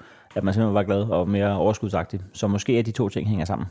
som, og det er også svært at løbe rigtig meget uden at stange sig, hvis man ligner mig. Så måske hænger det sammen. Men jeg vil mere binde det op på, at det er dumt at have noget, der gør en glad, og så stop med det. Mm. Fordi at jeg, jeg er ikke sådan en, der... Jeg skammer mig ikke over øh, sådan. Nej, jeg tror, du og jeg er sådan nogenlunde ens i kampvægt, ikke? Det tror jeg sgu ikke. 89 kilo her. Jamen, så er vi ikke. Nå, okay, næsten. Du må godt tage et nummer til.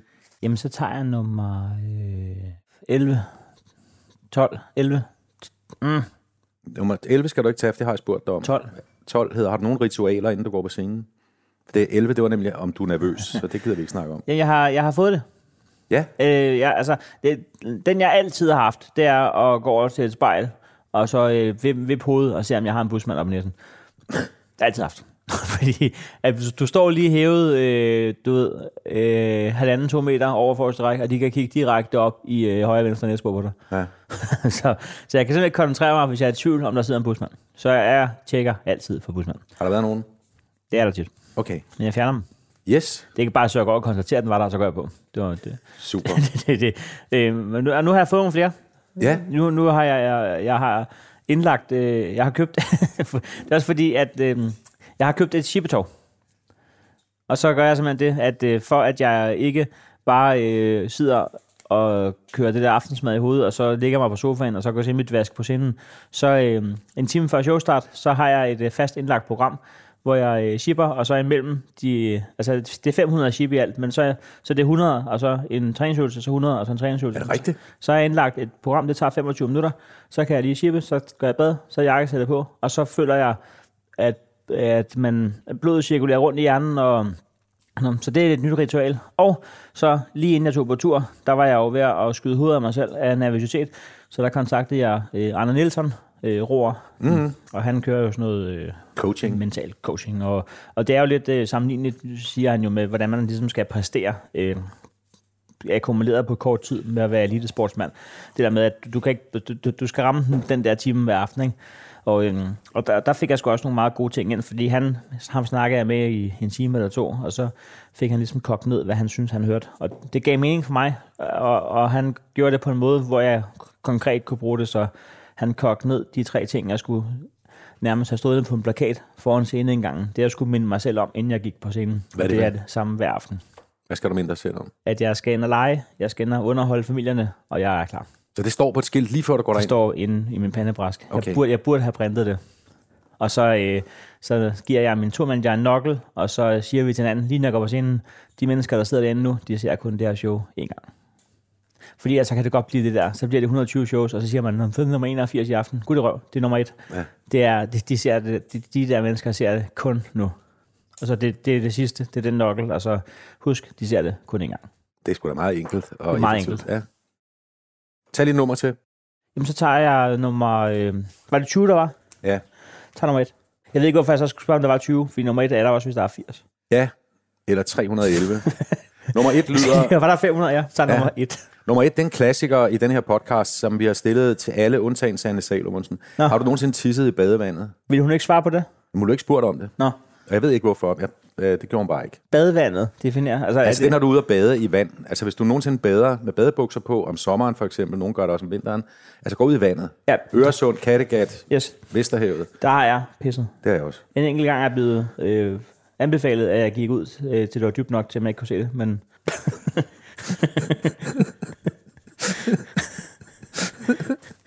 Har du mere at tilføje til det? altså spørgsmål. pisse en del i Karpæk Fjord, kan jeg godt afsløre. Må jeg tage et til? Ja, Er der nogen, du mangler at stille? Til ja nogen? der er så 17, kan jeg sige. Nej, til, til, er der nogen, du aldrig har stillet til nogen? Jeg kan fornemme, det er nogle spørgsmål, der går igen. Øhm, Altså, der er et, jeg heller ikke stillet til Sally Salomonsen, det er, husker du altid at slå brættet ned? For det, det passer jo ikke til hende, kan man sige. Jamen, jeg, jeg, jeg har kun brættet noget. Der er jo ikke noget, altså... Jeg er jo far, så selv hvis man skal pisse, så, så bruger man det jo lige på tre minutter helle, hvor man lige sidder og tjekker Instagram. Nå ja, så du sidder ned og tisser. Ja. ja. Nogle gange har man siddet der så længe, at man faktisk har glemt, om man kun har tisset. Har ikke prøvet det? Så er tvivl. Har jeg, har jeg skidt? Så kigger man, nej, det har jeg ikke. Jeg har bare siddet der 15 minutter, mand. Jeg kan huske, da jeg, jeg, jeg, jeg huske, da jeg var dreng, så var, eller da min søn var dreng, så, så glædede jeg mig til at skulle derud, Ja, for at få lidt fred, ikke? jamen det er det. Ja, Så låser du døren og tænker, ja, ingen, det er ligesom at sidde to til Aalborg. ja. Ingen kan forlange noget af mig de næste fire minutter. Kun fire minutter. er der nogen, der ikke er blevet stillet? Jeg, skal, jeg kigger lige ned ad listen.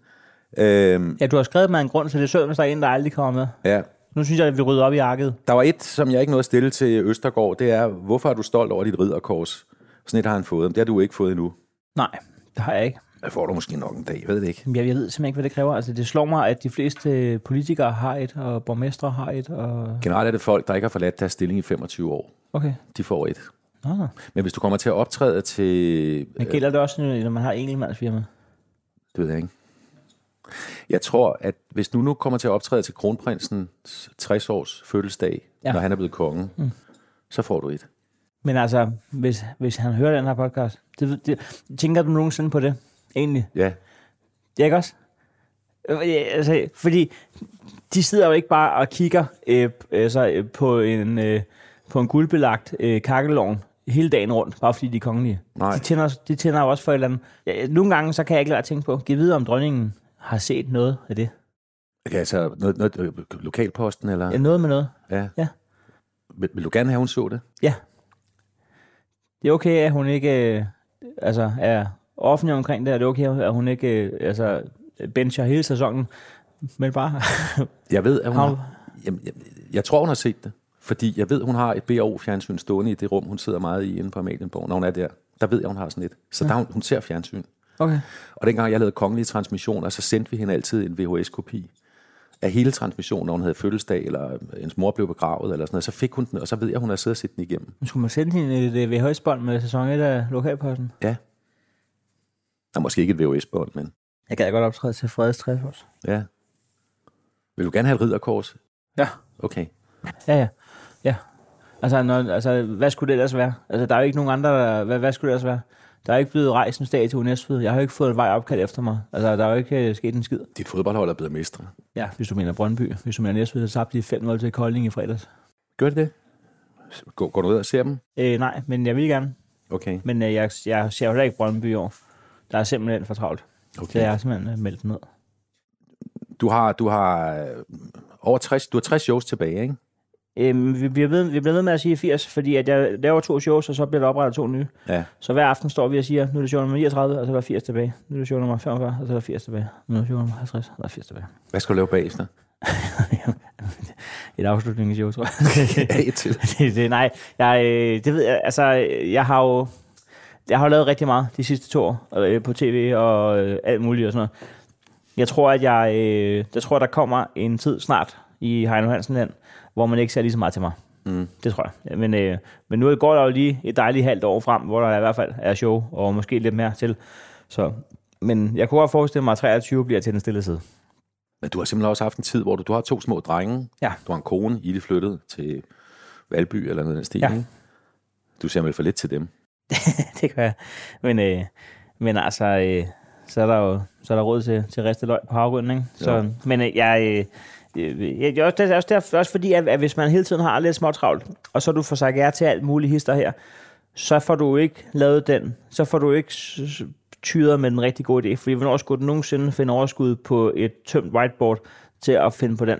Så, så på et tidspunkt, så er det også vigtigt at bare få slettet tavlen helt, fordi at den der helt rene tavle, den gør, at du kan komme op med noget, du sådan brænder inderligt for. Og, den, øh, og det er jeg også i gang med at lave nu, men, men man er også nødt til at, at tænke nogle år frem i den her branche. Jeg kan ikke bare finde ud af, at jeg er 24, gerne vil, øh, vil, vil, vil på tur med, med et trommeshow. Så er jeg nødt til at begynde at øve mig nu i at tromme jo. Ja. Så man er nødt til at hele tiden at, Men at tænke. har, har du nogle tanker om, hvad det næste skal være? Nu har du lavet det her show, som et eller andet sted, du kalder det dit første, Ja. og det handler meget om din tid som knægt og ung i Næstved. Ja. Hvad skal det næste så handle om? Jeg har lovet mig selv, at uanset hvad mit næste projekt bliver, så skal jeg fra, øh, fra jeg begynder, altså fra, fra nu, altså fra jeg begynder til, til, jeg, til at lave det show, der skal jeg have lært noget nyt. Jeg skal have lært mig selv noget nyt, som jeg kan bruge i den sammenhæng. Er det tromme eller sådan noget? Det kan være trum, det kan være spansk, det kan være, øh, altså whatever. Det kan være, at jeg øh, så kan lave 12 flikflakker hen over scenen. Jeg skal have lært mig selv noget, jeg ikke kan nu. Jeg skal ikke køre videre i, i øh, noget, der minder om. Nej. Det skal, øh, så det er, det er et benspænd, jeg har givet mig selv. Så må du finde ud af, hvad det er, du gerne vil lære dig selv.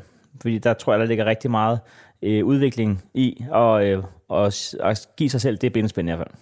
Men du har vel også, du har vel også øh, sådan både, du har også økonomi til at kunne holde en pause efter det her, ikke? Ja, ja. I et års tid. Ja. Eller lidt længere. Ja. ja.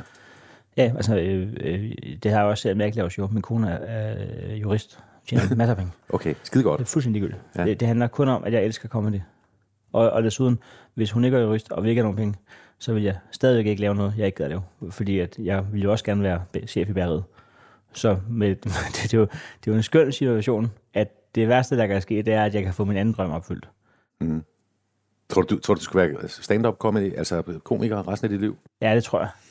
Det tror jeg simpelthen. Øh, Fordi at, øh, selv nu er jeg ude på stor teatertur og sådan noget, så nogle gange, når jeg ser en, et, øh, en story på Instagram fra en open mic fra en kollega, så savner jeg også bare lidt. Altså, så kan jeg godt, så kan jeg stå med den fede sal, og så kan jeg også tænke, jeg gad også godt lige komme ned og smide 10 minutter om grøntsager, og så gå op og tage en øl med de andre i barn og sådan noget. Ja. Det tror jeg skulle jeg komme for at blive, og jeg, det kan jeg slet ikke se for mig, stopper. Mm. Men det er ikke sikkert, at jeg bliver så gammel, så er ikke sikkert, at det er så imponerende. Det ved Ja. man jo ikke. Altså, det ved man jo ikke. Altså, jeg ved jo ikke, hvor gamle stand-up-komikere bliver, fordi det er en ret ung genre herhjemme. Så nu begynder vi jo... Og, altså, det, nu begynder der, nogle af dem at nærme sig 60 år, men vi har slet ikke nogen gamle stand-upper herhjemme i, i, i den forstand. Og, og nu begynder vi jo så for første gang snart at kan få et show, hvor folk snakker om at være blevet bedsteforældre og sådan noget, men vi, vi nærmer os en, en tid, som vi for første gang kommer til at se i den stand-up nu. Som er? Som er, hvad sker der, når komikere kommer op i? Ja. Altså, jeg er jo så gammel, jeg er 62, så jeg kan huske, at stand-up kom frem som noget helt, helt nyt. Ja. Med Thomas Vivl, Kasper Christensen, Ja. øh, Gindberg. De Det, der. det, er dem, der nærmer sig 60 nu, ikke? Yes. Ja. Og og der var det jo eksperimentalt, og det var små scener, og det var sådan noget, man talte om, sådan noget underligt, der foregik, der ja. Poppede op sådan i skyggen af linje 3. Ja, Ikke? ja revy og... Ja, ja, alt det der, som jeg personligt, altså synes, jeg synes, jeg synes, det nye var meget sjovere end det gamle. ja. Men du er lidt yngre, så du kan, ikke, du kan, du kan måske ikke huske den der tid. Altså, jeg, jeg har jo set linje 3 10 års jubilæumsshow. Altså, øh, nu ved jeg ikke, hvor mange gange dronningen har set det VHS-bånd, du har kørt igennem, men jeg har faktisk lidt godt op på et øh, linje 3 VHS-bånd, så jeg har jo set Altså, Var det sjovt? ja, det, det er jeg stor tilhænger af. Okay. Øh, men, øh, men, men, men der skete magi i mit hoved, da jeg, da jeg heldigvis havde lidt overskud fra Flight Simulator-spillet, og lige fik købt de to VHS'er fra Boldenskov med Stand Up DK 97 fordi Det var magi i mit hoved, at der stod en, en, en kunstart, hvor der stod en øh, genre, underholdningsgenre, hvor der står en person på scenen en, med en mikrofon, og så sker der ikke en skid. Og, og der er ikke noget, der er mere tens end det, når, når, når det fungerer. Var det det, der fanger dig? Altså står den ene mand eller kvinde med en mikrofon med en murstensvæg bag i? Ja, Ja. Det var lige med det samme. Altså, jeg, var- altså, jeg, var- det er jo ikke fordi, at jeg kan sige, at der var ikke i tvivl om det, der jeg ville. Jeg var bare ikke i tvivl om, at det her var jeg fan af. Mm. Og det skulle jeg bare dyrke, altså øh, på en eller anden måde. Og øh, jeg købte jo alt, hvad der var af VHS'er og DVD'er. Og det, det var en lang periode, hvor at, selvom det var, ikke, ikke var en yndlingskomiker, så skulle jeg bare have DVD'en, fordi nu mange, der var en, jeg manglede i samlingen og sådan noget. Jeg var dybt fascineret af, hvor meget så lidt i gåsøjne kan. Men det jo fordi, det er jo netop fordi, at det ikke bare er vidigheder. Og det er jo det folk, der ikke forstår det, mangler at forstå. Hvem er dit største idol? Altså Jan Gentberg er en af dem. Mm. Øh, fordi det var ham, der... Altså, det var, det var ham, jeg sappede ind på, på den VHS, og, og aldrig så mig tilbage. jo. Den der måde, han gik for scenen og bare snakkede til nogen i publikum. Og det var meget umiddelbart, og det var meget øh, tilstedeværende, og, øh, og den energi, synes jeg stadig, han har. Det var Boldenskov dengang, men når man ser ham ude på Bellevue Teater nu, det er stadigvæk den samme genbær, det er jo den samme nærvær. Han, han, han sætter ikke bånd op til ham, han skifter og skjort to gange i løbet af et show, der er pause, fordi han, han giver den jo gas. Øh, Han kampsveder, Han ja. kampsveder, og det er jo fordi, hans hjerne kører 1000 omdrejninger i sekundet, fordi han netop er til stede, og fordi han netop giver igen og bruger de ting, der sker. noget. Det ser jeg sgu meget op til. Og han, han slækker sgu aldrig på speederen. Altså det er, det, det er øh, med fuld, fuld øh, power hver gang, i hvert fald mentalt. Jeg kan ikke lade med at spørge dig her til sidst. Altså i de her øh, tider, øh, og nu blander jeg måske en lille smule mig selv ind i det, i de her tider med krænkelser og med hårde angreb på hinanden, ja, der er der ja. jo i hvert fald en lige nu, der har sat røven på komedie af dine kolleger, nemlig Brian Mørk, Ja. som i den grad jo har lagt sig ud og fået shitstormer og sådan noget, ikke? Og Ja. han, øh, han kigger så ikke tilbage, vel? Nej, det er ikke, det er ikke fordi, han søger kompromis. Nej. Hvad tænker du om det? Øh, jeg tænker, at øh, jeg, tænker faktisk, jeg tænker, altså jeg tænker faktisk både en masse og så ingenting, fordi at når, når, når, jeg, når jeg synes, at personligt, at ting bliver for latterlige, så, så gider jeg ikke anerkende dem som værende rigtige ting. Hvad mener du?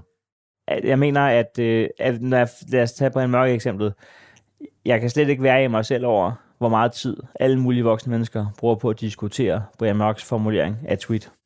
Ja. Altså, jeg kan slet ikke være i mig selv over, hvor latterligt det er, og, og, og, og, og lykkeønske folk med, hvor meget tid de må have i deres liv, øh, eller øh, omvendt. Så det, det, du synes er latterligt, det er dem, der reagerer så meget på ham. Det, det, er, det, er, det er simpelthen, at det kan være, at, at, at, at, at himmel og hav kan blive sat i bevægelse, fordi at der er en person, der går på Twitter og skriver, at han øh, vil lære sin datter øh, at forsvare sig selv. Mm. Og så lige pludselig, og så, kan, så, og så bliver der jo pillet, øh, der, er, der er debatter i debatten, der er debatter om formuleringen, der er debatter om hovedemnet, der er debatter om Brian Mørk, der, der er og, og det var som om, det er som om, at, at, øh, at der er et eller andet inde i mennesket, som stadigvæk har det der i sig, der glæder sig lidt til, der er en, der sidder i gabstokken på rådhuspladsen, som lige kan komme ned og kaste øh, et æble ind i hovedet på ham. Ja. For, fordi man kan mærke, når man ved noget om mennesker og, og, og kommunikation og om energier og mekanismer, så kan man mærke, der er et eller andet, der fascinerer folk i at være med på det store hold, der bare puff, puff, puff, og jeg, jeg, jeg, sidder, altså, jeg synes, jeg, jeg prøver på at sidde på afstand og observere det og tænke, altså, Det er absurd, ikke? det er absurd. Og jeg, øh, jeg, er, jeg, jeg kommer ikke til at anerkende det som et rigtigt problem, hvad folk gør på Twitter og Nej, på nettet. Og jeg, altså, jeg interesserer mig grundlæggende set ikke for sladder. Og så længe, at, at, at, at det er på det, jeg vil kalde sladderbasis, hvad folk synes om Brian Mørk, så, så kan intet interessere mig sindssygt meget mindre. Jeg glæder mig til at se Brians show, fordi at, øh, hvis han gør sig umage, så har han jo rigtig meget materiale nu til det. Det får også lidt ondt af ham en gang imellem, ikke? Jamen, jeg, det gør jeg ikke, fordi Nej. Jeg tror, Brian, han, øh, han, jeg, jeg tror det også, det er en benzin. Ja. Han er også en type, der... Jeg, må ikke det også er en benzin til ham? Jo, jo, Øh, han, han, kan godt lide, han kan godt lide med at arbejde i modvind, ikke? Ja. Altså, fordi så bliver han, det tænder ham. Men jeg tænker bare på, det er sådan et pisseirriterende spørgsmål til dig som stand-up-komiker fra, en, fra, fra, fra sådan en som mig, der er gammel. Det er, handler stand-up ikke for meget om jer selv og for lidt om alt det, der er udenom?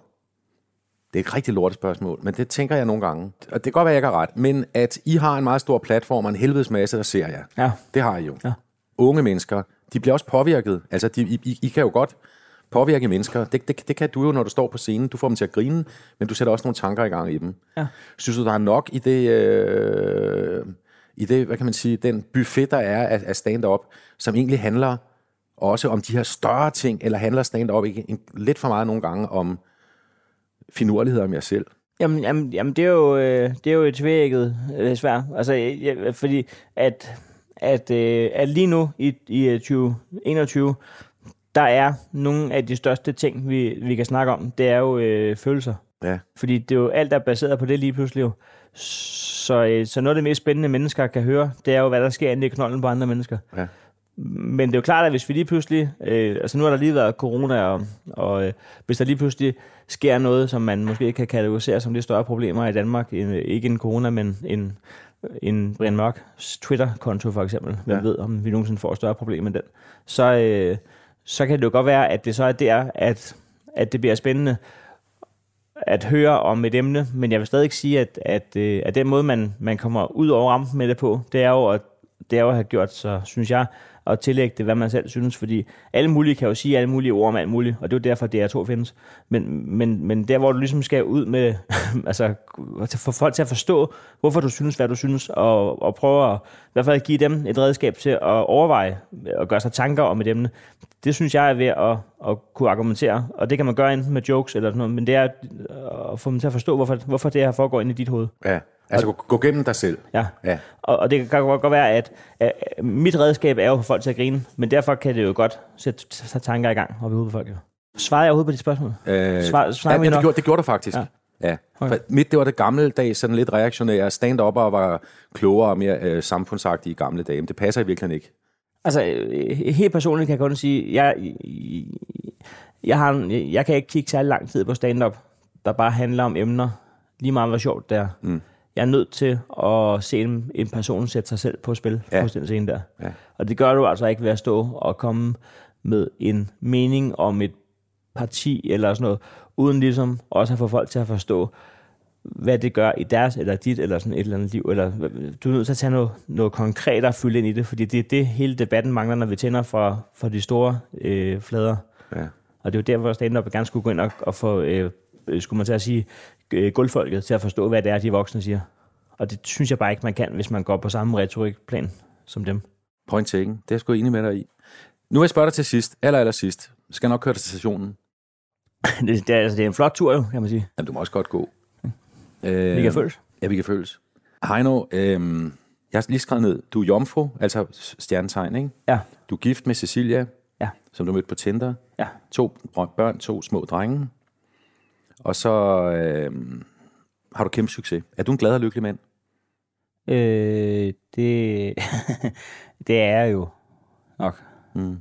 Øh, det er jo nok. Så altså, det, ja, det er jo, hvad, altså, det vil jeg tro, er. Jeg, jeg vil sige, hvis, man ikke kan, hvis ikke man kan svare klart nej til det, så er man. Altså, fordi jeg, jeg er heller ikke, jeg er heller ikke øh, jubelidiot. Så jeg ved også godt, at, lykke jo ikke betyder, at du render rundt hver dag ude på en eng og kraver med en ko og drikker mælk direkte fra yret. Altså, så, du, så lykke er vel også ikke at være ulykkelig. Altså, altså hvis du ikke du kan svare klart nej til, at du ikke har det godt, så har du det vel godt. Og jeg, øh, jeg er da, jeg er da skide stolt af, at øh, der er nogen, der gad at blive gift med mig, og jeg er skide stolt af, at, øh, at der findes mennesker, der er mine øh, børn. Og så er jeg da skide stolt af, at øh, der er nogen, der gider at se det, jeg laver. Så det er stolt mere end lykkelig, tror jeg. Men jeg er også lykkelig. Altså, jeg, jeg, nu er, altså, jeg, men det er også, fordi jeg er fra Næstved jo. Jeg, jeg er jo ikke, øh, jeg er også grund, altså, grundpessimist jo. Er man det for næste? Ja, det ved jeg ikke. Altså, det er også... ja. Nej, vi er sådan lidt... Øh, øh, nej, det ved jeg ikke. Det er også, det er også et hårdt spørgsmål lige oven på en nat, hvor jeg ikke har sovet, fordi at min ene barn har øh, valgt strubehost. Okay. Så er det svært at være lykkelig jo. Men, øh, men jeg er glad. Bare træt. Men altså, ja. Vi stoppe her? nej, nej, nej, nej. Det var mere sådan, øh, det var mere fordi, nu kunne jeg mærke, at jeg var ved at bevæge mig ud, at jeg ikke var lykkelig. Men det er jeg jo. Ja. Men det er fordi, jeg ikke tror, at lykkelig er, er lige med, at man bare er glad hele tiden. Nej. Så det er et svært spørgsmål. Men, men, men har du altid været glad øh, proportionelt med, hvor, hvor godt det udad til at gået i din karriere? Nej, det er sgu ikke hængt sammen. Måske endda tværtimod. Ikke også? Jeg tror mere, jeg har oplevet, at jeg mærker glæde, efter jeg har været meget ked af det. Fordi ja. så, så kan jeg sådan sætte tingene i, i forhold til hinanden. Nu bliver det dybt, hva'? Må man spørge, hvor langt du er kommet der I det, i den her periode? øh, jeg er ikke færdig. Nej. Altså hvis det er den periode, du tænker på, jeg er igennem lige nu. Ja. ja. nej, så er jeg ikke derhen endnu, hvor jeg, altså, jeg har jo ikke lagt det bag mig, eller det er ikke overstået. Nej. Så på den måde er jeg stadig, jeg, faktisk ikke, jeg ved ikke, om jeg vil sige ulykkelig, men jeg er, øh, jeg er presset. Ja. Ja. Men, øh, Ja. men jeg har også momenter, det er vigtigt. Når jeg sidder og ser dit show, da jeg gjorde det i august inde i Bremen, så havde jeg, og den skal du have, halvanden time, hvor jeg, om ikke var lykkelig, så i hvert fald var jeg væk fra det andet. Altså der, gav, der, der kunne du fange mig, og det, det jo Nå, også, tak. det, det jo faktisk, det, det jo også en, en form for, for lykke. Ja, men det er det da. Ja. Øh, nå, men tak, det var stort. Men, øh, ja, men det er, jo, det er jo svært, og det er jo svært at svare på. Men, altså, men, men du, må heller ikke, du kan heller ikke gå i de næste 30 år og være øh, ked, ked af det jo. Nej, Så, øh, så der, der, er nødt til at, der er nødt til at være et, et nyt ground zero, skal jeg så sige. Et nyt nulpunkt for lykke. Fordi det er ikke sikkert, at du kan, du kan ikke, du kan ikke sammenligne øh, før og efter en sådan en tur, der er i mediemøllen jo. nej. Nej, altså, jeg, jeg, er jo heldigvis, øh, jeg kan jo sige til mig selv, at det, det er i hvert fald sidste gang, jeg får sådan en, så det på den måde, puha, ikke? Ja, Ja. ja. Kommer an på, hvordan den her podcast ender, kan man sige. Det kan da godt være, at den her eksploderer. Ja. Hvad synes du om den? Altså, jeg kan godt lide din podcast, og Ja. ja. jeg kan godt lide dig. Det er også derfor, jeg sagde ja at komme jo. Jamen, det er jeg også glad for, Men, øh, men jeg vidste jo ikke, at det var øh, slutepisoden. Så vi er også nødt til ligesom, vi kan ikke slutte den her. Nej, Vi er nødt til at slutte på noget, på noget, øh, altså den skal slutte, den behøver ikke at slutte, den behøver ikke at slutte øh, lykkeligt, og den behøver ikke at slutte, hvor vi sidder og griner og, og, og, og roser en træstamme, fordi vi ikke kan finde på andet at snakke om.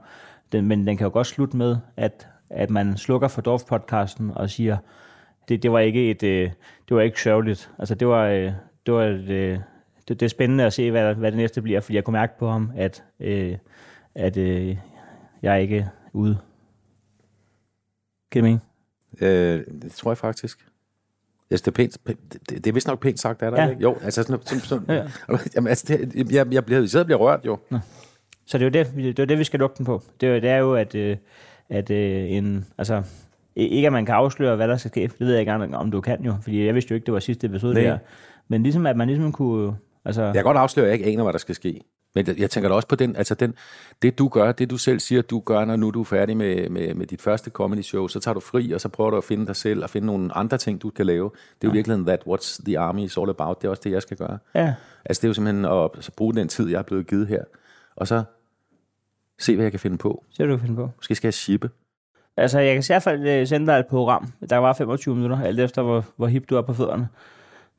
Shippe-programmet. Ja, ja. Altså, det, altså, det, bliver lidt nemmere, når man med ret stor sikkerhed kan tage de 100, uden at øh, ramme benene for mange gange med chiptøjet. Mm. Øh, og det giver også et bedre flow jo. Ja. Heino, øh, det har fandme været hyggeligt. Ja, det har. Og jeg ved ikke, vi, vi fik jo snakket om alt muligt. Mildt sagt.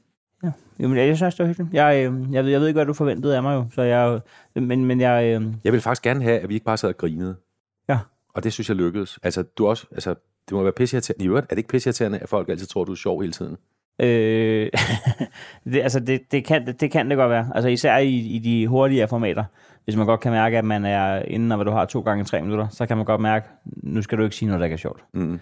Øh, men, men det, altså, til daglig synes jeg jo, at, øh, at det er fint nok. Altså, når man sidder til et bryllup og øh, ved et bord og sådan noget, så, så altså, det skal nok gå. Og, og i løbet af, når man først får talt sig varm, så, så er man jo også øh, sjovere end, end gennemsnittet. Altså, så det er ikke, jeg føler ikke, der er nogen forventninger til det, men det er jo heller ikke noget, jeg, det er jo heller ikke noget, jeg skal kæmpe frem og bruge tre timer på. Altså, jeg, jeg, har jo- jeg har jo ikke kæmpet mig til at blive stand-up-komiker. Jeg synes jo, at, at jeg gjorde det, fordi jeg synes, at folk griner det, jeg sagde.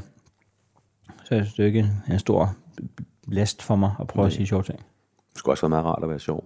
Jamen, jamen, jamen, det er det også. Problemet er bare, at, øh, at hvis der er passager i showet, hvor man faktisk godt vil sige, det her, det her gad jeg godt gå lidt dybere ned i materien, men jeg, men jeg, er, så, men jeg er så fast besluttet på, at, at comedy, fordi der er de der store diskussioner med, hvad er comedy, og, og, og hvad skal comedy kunne, og sådan noget. Og der, der er jeg bare meget, meget, meget sort-hvid at sige, det, comedy skal kunne alt på den at være usjovt. Mm.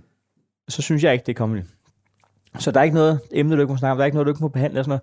Men du må aldrig bare gå ind og kalde det modigt og sige, øh, nu, jeg bare, nu siger jeg bare noget, som, som er et statement og som et eller andet, men det er faktisk ikke sjovt. Mm. Nej, men det er faktisk heller ikke comedy.